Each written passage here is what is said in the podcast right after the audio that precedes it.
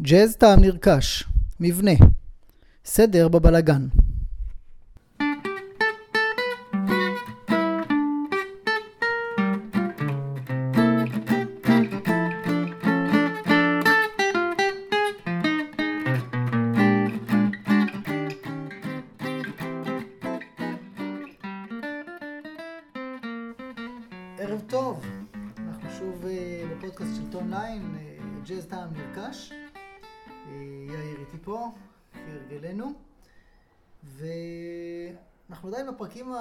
הראשונים ככה, פחות או יותר, אה, מדברים על המוזיקה באופן כללי, עוד לא צוללים.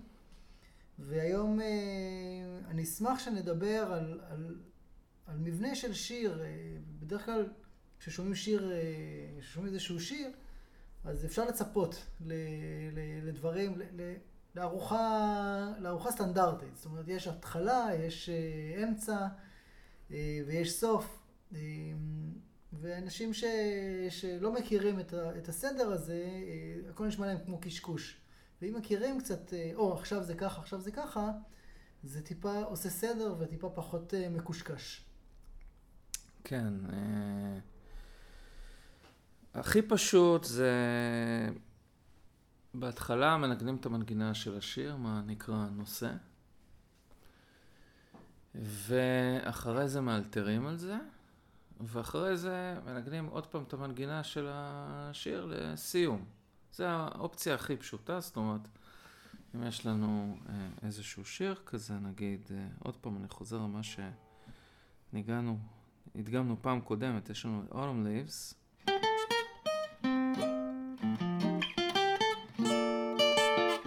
זה הנושא.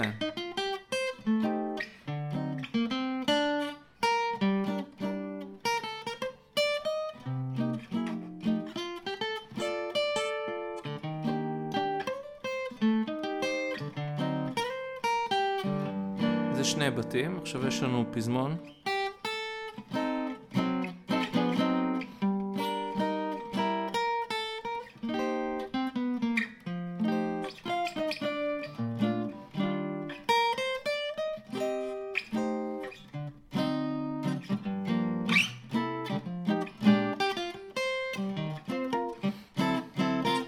נגמר הנושא, יתחיל אלתור.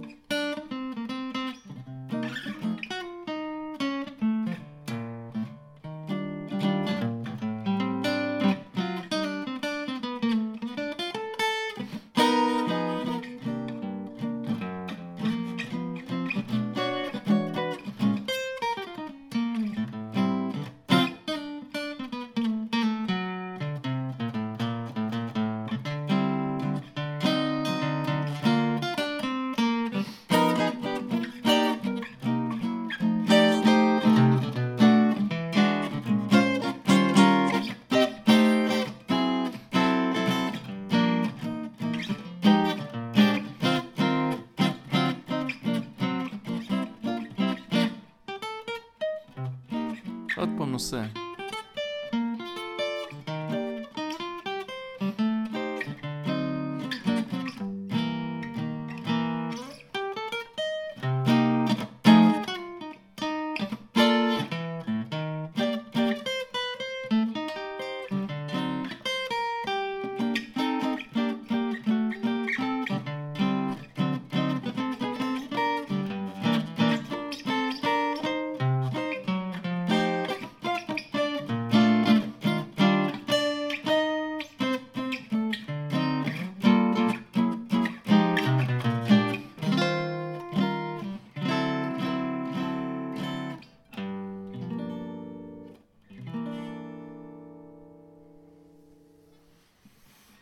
זה, זה פחות או יותר אה, הוורסיה הכי פשוטה למה שאפשר לצפות כאילו אה, כששומעים שיר. זאת אומרת, יש לנו עוד פעם, יש לנו נושא שמנגנים אותו, אחרי זה אנחנו מאלתרים, אחרי זה מנגנים עוד פעם את הנושא, סגרנו.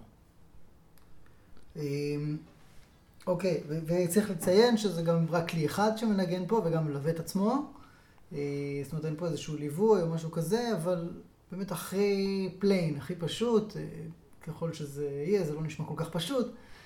אמ, ו...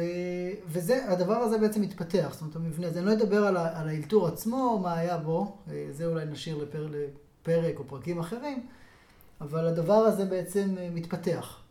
כן, הדבר הזה מתפתח, ואפשר לשחק איתו. אחד הדברים עם השירים האלה זה שהרבה פעמים, אה, במקור לפחות, באמת שרו אותם. ועדיין יש, יש, יש הרבה ביצועים ווקאליים. וכשיש זמר או זמרת, אז זה מאוד חשוב להכניס אותם לקטע, ואז אה, מנגנים הקדמה. והקדמה יכולה להיות כל מיני, כל מיני דברים, ולפעמים היא אפילו מצליחה להיות יותר, אה, יותר יפה מכל הקטע, למשל, אם אנחנו ניקח, סתם בתור דוגמה, יש ביצוע של My Funny Valentine של כית' ג'ארט, מדיסק שנקרא Still Live, ואם אתם תקשיבו ל... הקדמה, אני חושב שהיא יותר יפה מכל הקטע אחר כך.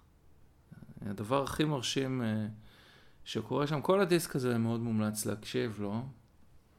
אחד מה... בעיניי מהשיאים של אה, כאילו טריו פסנתר בכלל, כן, ממש כדאי להקשיב. אה, אבל כשעושים הקדמה בשביל להכניס אה, זמרת, אה, למשל, אז, אז אפשר, נגיד עוד פעם, אם אני רוצה להכניס אותה לשיר בצורה ש... שזה יהיה ברור, אז מה שאני יכול לעשות זה לקחת חתיכה מהשיר ולנגן אותה בתור כניסה, למשל.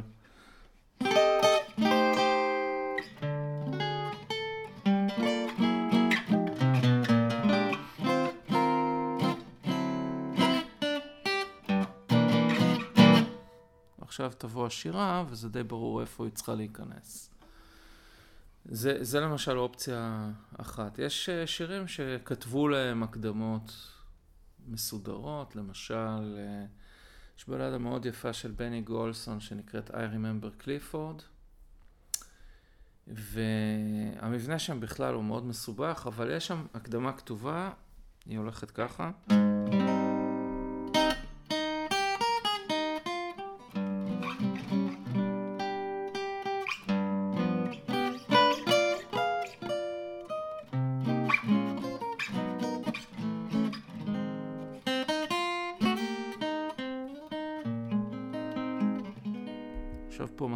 השיר.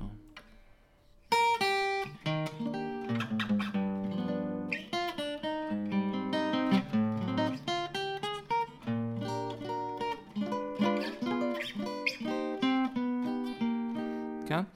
אני לא אנגן את כל השיר בגלל שזה חתיכת סדר פסח, אבל, אה, ו- ועוד מעט סדר פסח, אה, למי שמתייחס לזה, אבל אה, זה דוגמה להקדמה שהיא כתובה, יש הקדמות שהן אה, יכולות להיות דמיוניות לחלוטין, כביכול לא קשורות לקטע.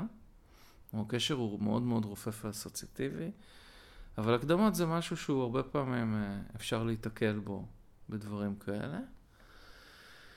ומבנים, אה, מבנים של שירים, יש כל מיני מבנים נפוצים במוזיקה הזאת. אז מה ש... מה שהכי אולי נפוץ זה באמת סטנדרט, שזה בדרך כלל 32 אה, תיבות או 64 תיבות. זה מורכב מבית, בית, פזמון ועוד פעם בית. אה, אבל יש גם מבנים נוספים. יש למשל הרבה שירים שהם על מבנה של בלוז, בסופו של דבר. זה לא בלוז אה, כמו ש... כמו שרגילים לפחות פה לשמוע בלוז, אז ישר חושבים על משהו שנשמע ככה. זה לא כזה בלוז. זה יותר...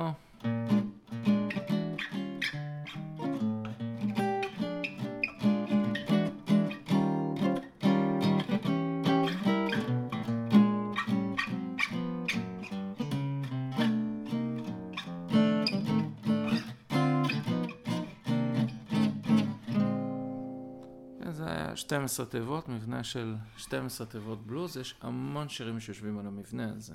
זאת אומרת, בלוז, אז בלוז זה, זה גם ז'אנר, אפשר להגיד, אבל זה גם מבנה. זאת אומרת, בלוז ג'אז זה סוג של מבנה, של משהו שהוא יותר ג'אזי. כן, אה, בלוז במקור לפחות הייתה מוזיקה בלי מבנה. זה במקור, זאת אומרת, אה, כשחבר'ה הסתובבו בשדות וכתבו כותנה, הם לא שמרו על מבנה. זאת אומרת, הם אולי התעסקו יותר עם הכותנה, פחות עם, ה... עם הדבר הזה, הם שרו בשביל להעביר את הזמן ובשביל uh, לשמור על הקצב של העבודה בעצם. Uh, בלוז בארצות הברית זה משהו עם המון צורות, בארץ לא מכירים כאילו את רוב הדברים, מכירים איזה שניים שלושה uh, סגנונות, פחות או יותר. ובסופו של דבר אפשר למצוא את זה בהמון סוגי מוזיקה אחרים, גם אה, בלוז אפשר למצוא בתוך רוק, אה, בתוך, בתוך המון דברים, וגם בתוך ג'אז. אז בג'אז, זאת אומרת, מה שהתקבע האמת, לא רק בג'אז, התקבע בכלל זה שיש מבנה, והמבנה הוא 12 תיבות. זה המבנה הסטנדרטי של, ה... של בלוז, ובג'אז זה נשמע, אה, קודם כל זה יושב על הסווינג, על הקצב הזה, שמה שאופייני לו אולי זה מין, מין דבר כזה ש...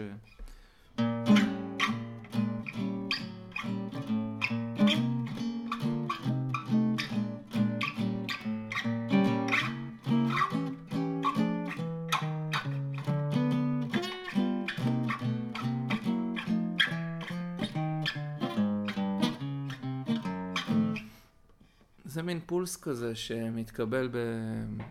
מהתפקיד של הבאס שאני אה, מנגן פה, פלוס האקורדים, שזה כביכול מה שעושה כלי כמו פסנתר או גיטרה, ונגיד הרייט של המתופף. זה שילוב של אה, עבודה של כמה אנשים בתוך ההרכב בדרך כלל.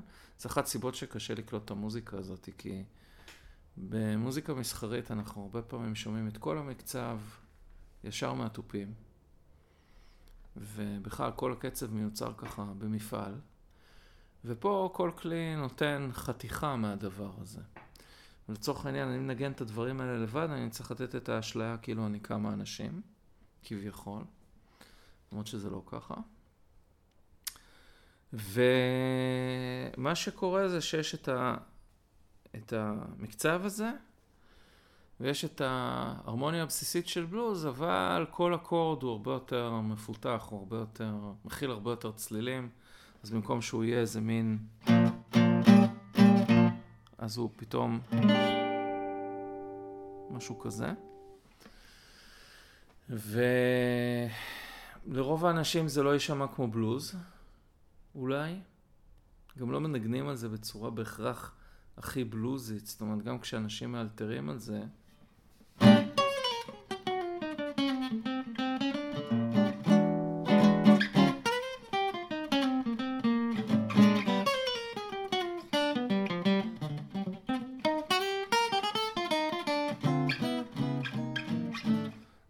בדיוק phrasing של בלוז, זה לא נגיד שאני מנגן אה, משהו כמו כזה דבר, כן? שגם זה יחסית אה, יותר קרוב אולי לג'אז כשאני חושב על זה. אבל uh, זה כן קשור למבנה וזה כן קשור למוזיקה הזאת. אז, אז יש לנו מבנה של בלוז, יש לנו מבנה שנקרא סטנדרט. Uh, יש עוד מבנים שחוזרים על עצמם, כמו למשל uh, rhythm changes, שזה תכלס זה סטנדרט, אבל אוקיי, זה מבוסס על שיר שנקרא I Got Rhythm של גרשווין, שזה... כן.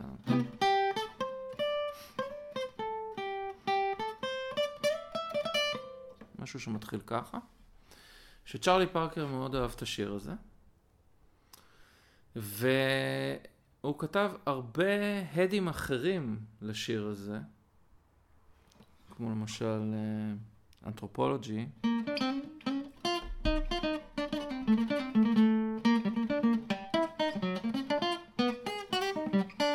משהו שמתחיל כך. וזה נקרא rhythm changes, כי בעצם זה, changes זה אקורדים, זה אקורדים של I got rhythm. בשביל זה זה נקרא rhythm changes. זה נשמע, הליווי נשמע נגיד.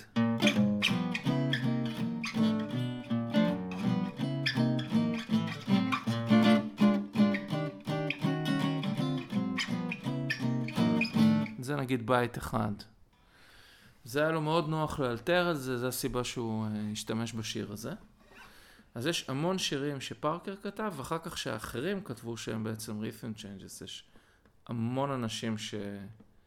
שכתבו דבר כזה, אני מודה בזה שגם אני, uh, יש לי איזו הקלטה של משהו כזה. אני אעשה רגע סדר. אז, אז בעצם אה, דיברנו על זה שיש אה, אה, שירים שיש להם מבנה סדור, אפשר להגיד את זה? יש הקדמות, אחר כך נכנסים לאיזשהו מבנה. זאת אומרת, המלודיה, השיר יכול להיות שונה, מבוצע על ידי סולן או סולנית, או זאת אומרת זמר או זמרת, או סולן, סולנית מלודי, כלי מלודי כלשהו. והשירים האלה בדרך כלל יש להם מבנה שהוא, שהוא קבוע. סטנדר, סטנדרט הוא, הוא קבוע בעיקר מבחינת מספר התיבות, והמבנה של A, A, B ו-A, זאת אומרת אה, בית, בית, פזמון ובית, ובלוז זה ממש אה, פחות או יותר אותם אקורדים אפילו ממש, באותה, בכל תיבה יש ממש את אותם אקורדים, וגם rhythm changes אה, יש את אותם אקורדים. יש גם וריאציות, אני חושב שעל כל אחד מהם אנחנו נוכל לעשות פרק, פרק על בלוז, פרק על rhythm changes. יש גם וריאציות על הדברים האלה. אבל בגדול זה, ה, זה, זה המבנה. זאת אומרת, אתה, אתה מנגן איזשהו שיר וזה המבנה, ואחר כך כשאתה אומר שאני מאלתר על, ה, על, ה, על השיר הזה, אז אתה מאלתר על המבנה. יש לו התחלה ויש לו סוף. אני, זה נכון? כן. הרעיון הוא שיש מסגרת. זאת אומרת, יש חופש בתוך מסגרת. זאת אומרת... אה, אה, במוזיקה הזאת יש הרבה חופש, אבל זה לא, זה לא בלאגן. זה לא שכל אחד עכשיו יכול אה, לזרוק איזה צלילים שבא לו, מתי שבא לו, אלא יש לנו איזשהו מבנה שלא מתפשרים עליו, שאנחנו יודעים בדיוק איפה אנחנו נמצאים בכל רגע נתון, ואפשר לעקוב אחרי זה. נגיד, אה, מאזין שקצת, טיפה מנגן אפילו, כן? קצת יכול אה, לשבת עם הקלטה וממש לדעת בדיוק איפה הוא נמצא. וזה מה שיוצר מצב שבעצם הדברים האלה בסופו של דבר נשמעים הגיוניים. זאת אומרת, המגבלות שיש על החופש המוחלט, הן יוצרות איזשהו משהו שהוא בכל זאת אה, משאיר אותנו באיזשהו מקום הגיוני, בתוך המוזיקה הזאת. כי יש גם כמובן אה, כל מיני פורמטים של אלתור חופשי, בכל מיני סגנונות מוזיקליים דרך אגב. אבל אלתור חופשי נשמע, בסופו של דבר, ברוב המקרים הוא נשמע כמו איזה ברדק. להוציא מקרים אה, מאוד מוצלחים ומאוד מסוימים שמאוד מאוד קשה להגיע לזה. ובמוזיקה הזאת, בגלל שזה לא חופש מוחלט, אלא זה חופש בתוך מסגרת, זה יותר אה, כמו נגיד אה, לבוא ולהגיד שאתה חי במדינה אה, דמוקרטית אה, מסודרת, לא, לא מדינת ישראל, כן? אה, ושאתה יוצא לרחוב אתה מרגיש מוגן ויש לך חופש, אתה לא תעשה דברים פליליים כמובן, זאת אומרת יש איזושהי מסגרת, אבל אתה יכול ללכת פחות או יותר לכל מקום שאתה תרצה, ו... לעשות במסגרת מה שמקובל, פחות או יותר מה שתרצה. זה בערך הרעיון פה. אמ, אז אוקיי, אני מבין. זאת אומרת, אה, אם נעשה הגבלה שוב לשירי רוק, או שירים, אה, שירים שאנחנו מכירים לא רוק, כל שיר אחר, אז בעצם אה, ניקח את מעוז צור, שיש לו שבעה, שבעה בתים, המילים משתנות מבית לבית, אבל בגדול אנחנו חוזרים על אותו בית. המוזיקה היא אותו פעמים. דבר, זה, זה פשוט אותה מוזיקה אה, שבע פעמים. ו, ופה זה אותו מבנה שבע פעמים, או כמה שזה לא יהיה. אמ, ומה זאת אומרת, מבנה האקורדים, בעצם ההרמוניה, האקורדים הם אותם אקורדים, והמלודיה, המוזיקה, הצלילים, אה, טוב, זה, אני קצת מסתבך פה, כי גם ההרמוניה זה צלילים, אבל המלודיה... כן, מה שיוצר מנגינה. הנושא, כן, מה שיוצר את המנגינה, הוא משתנה. הוא משתנה בהתאם לאותה הרמוניה, ויש כללים מסוימים. גם כשאתה מאלתר על הרמוניה, יש צלילים שאתה יכול לבחור ממגוון הצלילים, אבל יש צלילים ש, שלא כדאי שת... זאת אומרת, אתה יכול לבחור אותם, אבל אתה עושה את זה בצורה מודעת בשביל לצרום. נקרא לזה ככה, כי בג'אז אה, יש חופש, כמו שאמרנו, ואתה לא יכול אה, לעשות מה שבא לך, או אתה יכול לעשות מה שבא לך אם באמת זה בא לך, לא סתם לקשקש משהו. וזה לא קשקושים, הדברים האלה. זה כן נשמע כי באמת בתוך שיר אחד המנגינה משתנה כמה וכמה פעמים, אפילו יותר משבע. כן, הרבה פעמים כשאנשים אומרים שזה נשמע להם כמו קשקוש, בסופו של דבר אה, אנשים לא רגילים למוזיקה הזאת. אחרי שמתרגלים לתוך למוזיקה הזאת, מקשיבים לזה כמה פעמים, אז מגלים שפשוט לנגן שמאלתר באותו רגע על הקטע, יש המון רעיונות בזמן מאוד קצר והוא מנסה לדחוס אותם. זו הסיבה שזה הרבה פעמים נשמע מבולגן, וגם אם נגיד אה, בתקופות הראשונות האלתור היה מאוד מאוד קרוב ל, ל, לשירה, זאת אומרת לשיר עצמו, ככל שאנחנו מתקדמים בשנים הקשר הזה מתרופף, והרבה פעמים הוא פחות לא ממש קיים. זה, זה בעייתי בעיניי, בעיקר בבלוזים, כי לבלוזים יש נושאים גם כן, ואם מישהו מנגן נושא יפה כמו למשל בלו מונק של תולוניס מונק, משהו כמו...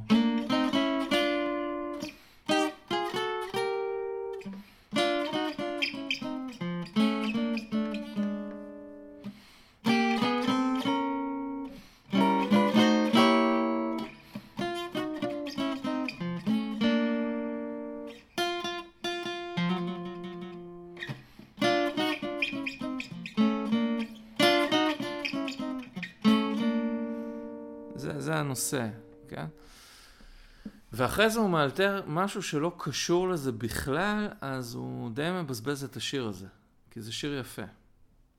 והרבה פעמים מה שקורה, שאחרי שנגמר הדבר הזה ומתחיל אלתור, אז הבן אדם...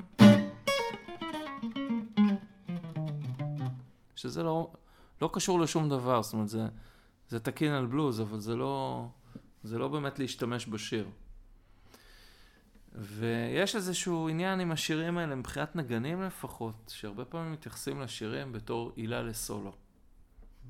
זאת אומרת, הם לא מתייחסים לשיר עצמו. שזה למשל מאוד מאוד, אה, גם מאוד מאוד כדאי להקשיב בביצועים שהם ווקאליים, כי שם כן מתייחסים לשיר עצמו. ואני חושב שלנגנים זה מאוד מאוד אה, כדאי לעבוד עם אה, זמרים, זה דבר שמאוד מוסיף ומאוד מאתגר. בסך הכל, וזה גם דבר שהוא הרבה יותר תקשורתי אה, בשביל קהל. קהל אה, רוצה לשמוע שירה, בסך הכל. זה די עושה סדר, ואז כאילו גם האלתור נשמע איכשהו יותר, יותר קשור לשיר באיזשהו מקום. יש, יש לזה יתרונות. תוכל לעשות סולו שהוא כן קשור למנגינה של בלומנק? אני יכול לנסות, כן. אני, אני חולה בכל המחלות שכולם חולים, אבל... Uh,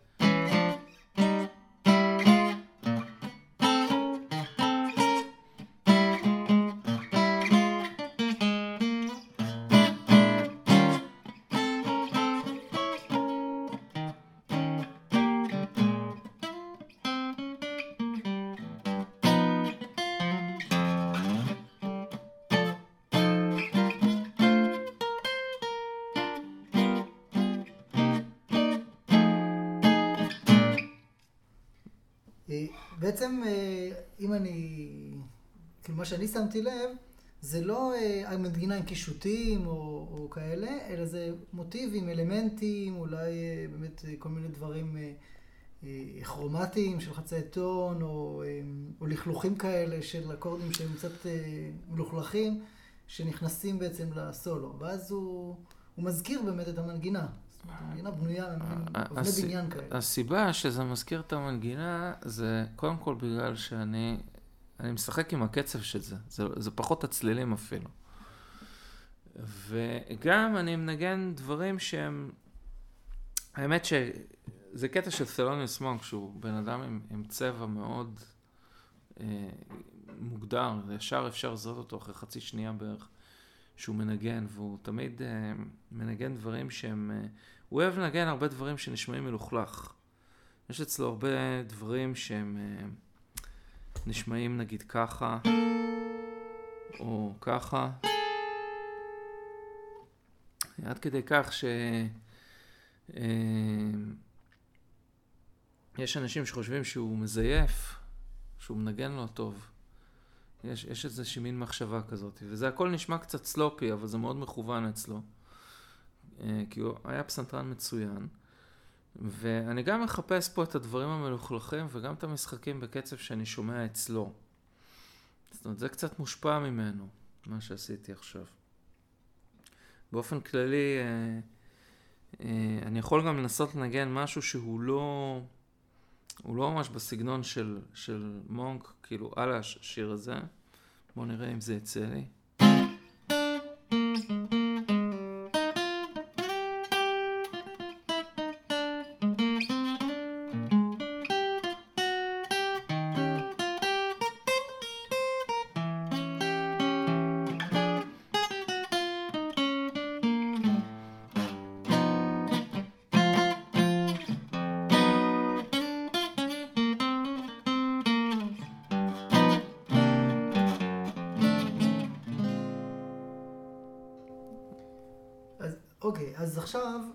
הבנו שיש איזשהו אה, סולו, אה, זאת אומרת אילתור, שהוא צריך, מה זה צריך? שום, לא צריך שום דבר, אבל אה, א', כדאי שהוא כן יזכיר אותם, זאת אומרת, לנצל את השיר וגם יהיה משהו שאפשר לשיר אותו, אה, כי מה שאפשר לשיר, הקהל יותר אוהב.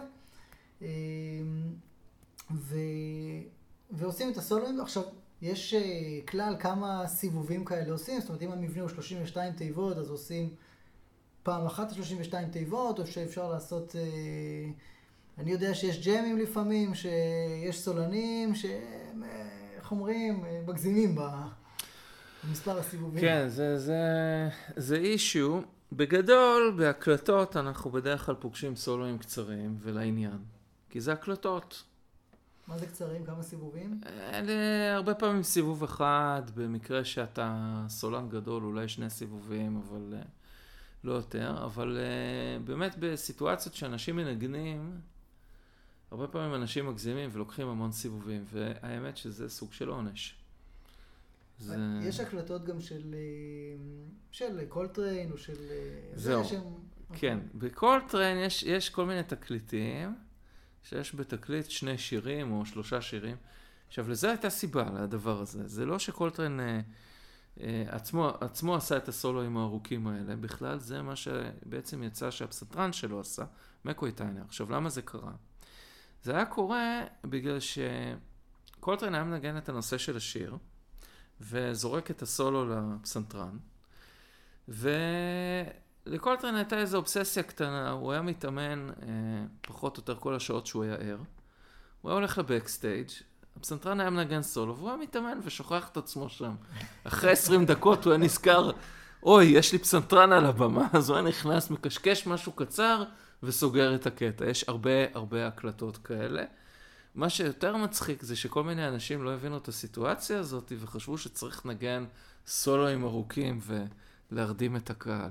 מה שלמקוי המסכן אה, עבר בראש ב- ב- ברוב המקרים האלה, אני בטוח, זה, זה איפה לעזאזל קולטריין, כן? ומה הוא עושה לעזאזל עכשיו? ואיך אני יוצא מזה, כן? אז, אז יש כל מיני אה, הקלטות כאלה, ש... איך להגיד, חצי שעה סולו פסנתר, למה? קולטריין שכח את עצמו בעולם אחר. אז אה, אוקיי, אז אני מבין שבאמת כדאי אה, כן לשמור על איזושהי מסגרת שפויה של אה, סיבוב אחד, שניים, שלושה לנגן, ועדיף שבקטעים ארוכים באמת להמעיט, ו... ושבאמת יהיה פה איזשהו משהו יותר communal י. ועדיין הסיבוב הראשון של הסולו והסיבוב השני של הסולו, יש ביניהם הבדל. אני צודק, זאת אומרת, יש איזושהי התפתחות גם בתוך סולו של נגן. מאוד מאוד נחמד אם מישהו מצליח ליצור משהו, אה, לא משנה כמה סיבובים הוא לוקח, שמתחיל ממשהו קטן ונבנה לאיזשהו שיא מסוים, ואחר כך אפשר, אה, איך להגיד, לחזור לנושא, לחזור הביתה. זה די מוצלח כשזה קורה. בדרך כלל כשאנחנו שומעים, אה, אנחנו שומעים משהו כזה מוצלח בהקלטות, נגיד, שעשו בהופעות, אז שומעים את הקהל גם מגיב. זאת אומרת, אנשים מוחאים כפיים אחרי סולו שמצא חן ביניהם. מצד שני, מישהו מופיע והקהל, איך להגיד, לא מחא כפיים בסוף הסולו שלו, אז הוא צריך להבין מזה שכנראה הוא צריך להשתפר קצת. זה... יש גם סולואים שאני יודע שכל גיטריסט לומד את הסולו של, של סלאש, של סוויט צ'יילד או מיין, או כאלה. יש גם סולואים גדולים של אלתורים, שנחקקו לדורות, ו, ואנשים אה, לומדים אותם, או ש... יש תרבות של אה, ללמוד סולואים אה, במוזיקה הזאת, אני... זו תרבות מאוד נפוצה, זה פחות או יותר בכל בית ספר בעולם. יגידו לך שאם אתה רוצה אה, לנגן ג'אז, אתה צריך להוציא סולואים של כל הגדולים. זאת הדעה המקובלת, אני מודה שזאת לא בדיוק הדעה שלי לגבי איך לומדים את זה, ואני חושב על הדברים האלה אחרת. אני לא, לא אוהב uh, כל כך לחכות אנשים אחרים. Uh, אני כן אוהב ללמוד מאנשים אחרים, אבל לא לחכות אותם. אני מנסה להוציא מסקנות ממה שאני שומע. Uh, אבל כן, יש סולואים מאוד מפורסמים, ויש לנו שירים של, למשל של צ'רלי פארקר, שהם התחילו מזה שהוא עשה סולו על איזשהו שיר, נגיד, יש לו איזה משהו כזה שנקרא דונה לי. שזה בעצם סולו על שיר שנקרא אינדיאנה, Back Home אינדיאנה. ש-Back Home אינדיאנה זה משהו שכזה...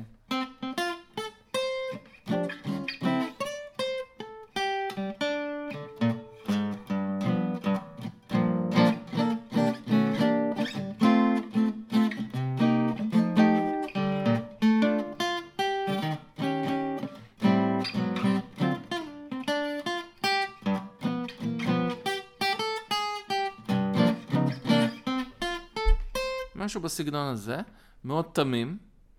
ודונה לי, אני רק אנגן את ההתחלה שלו, שהיא די לא תמימה.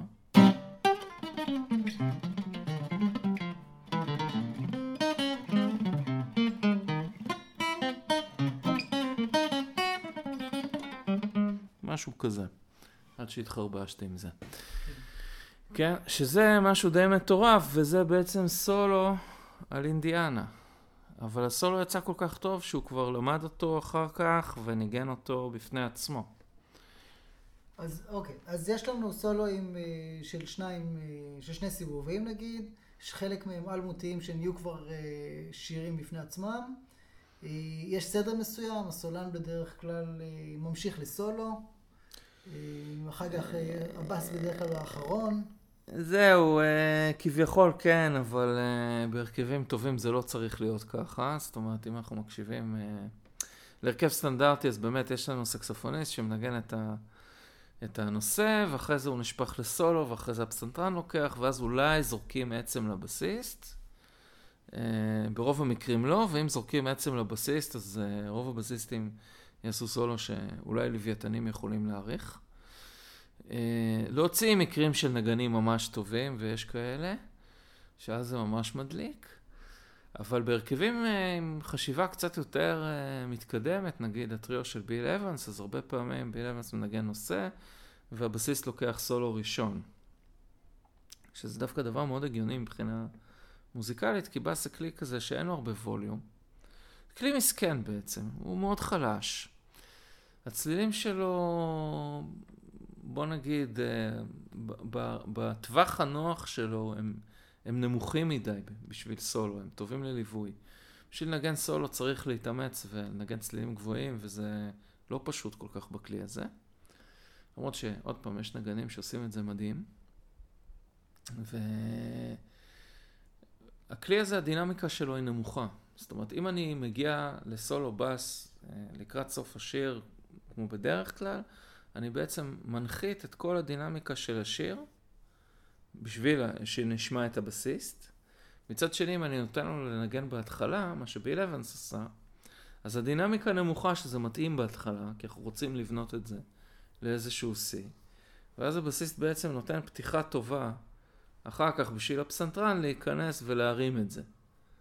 אז לפחות כשאני מנגן עם אה, בסיסטים, אני מעדיף לתת להם לנגן קודם. זה, זה הדעה שלי לפחות.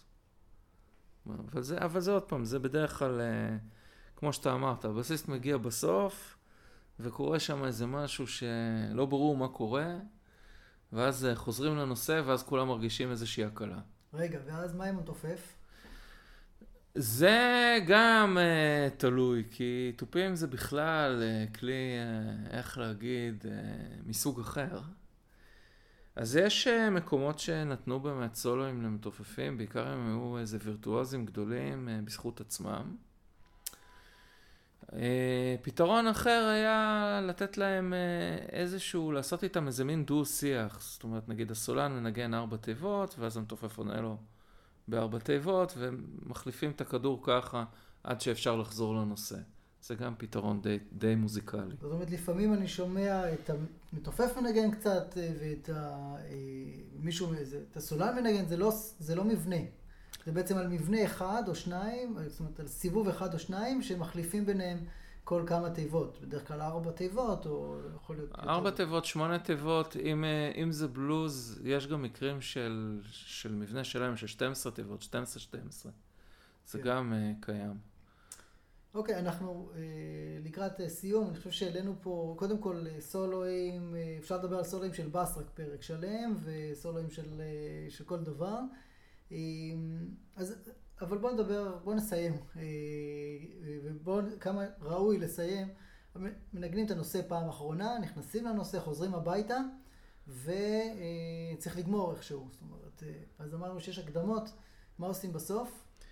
עושים סיום כזה שמקבלים אחריו מחיאות כפיים. זאת אומרת, כזה שהוא ברור. למשל, אני יכול לעשות דבר כזה למשל.